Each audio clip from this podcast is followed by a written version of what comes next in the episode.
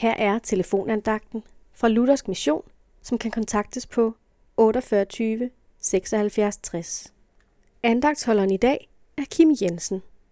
Vi skal læse nogle vers fra Johannes evangeliet kapitel 17, vers 1-5. Sådan talte Jesus, og han så op mod himlen og sagde, Far, timen er kommet. Herliggør din søn, for at sønnen kan herliggøre dig, ligesom du har givet ham magt over alle mennesker, for at han kan give evigt liv til alle dem, du har givet ham.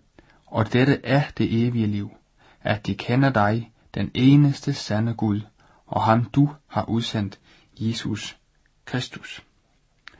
Jeg har herliggjort dig på jorden, ved at fuldføre den gerning, du har givet mig at gøre. De ord her, de er taget fra Jesus sidste bøn, inden han blev forrådt af Judas, og senere dømt og dræbt ved korsfæstelse. Hvad var det for en gerning, Gud, Jesu far, havde givet Jesus at fuldføre? Jo, det var jo netop det, at Jesus blev sendt fra himlen til jorden, for at gå i dit og mit sted, for at gå i døden for dig og mig, for at tage alle vores synder, alle vores lovbrud på sig. Tænk, Jesus var villig til at redde dig og mig fra fortabelsen ved selv at blive gjort til synd, selvom han aldrig selv havde syndet.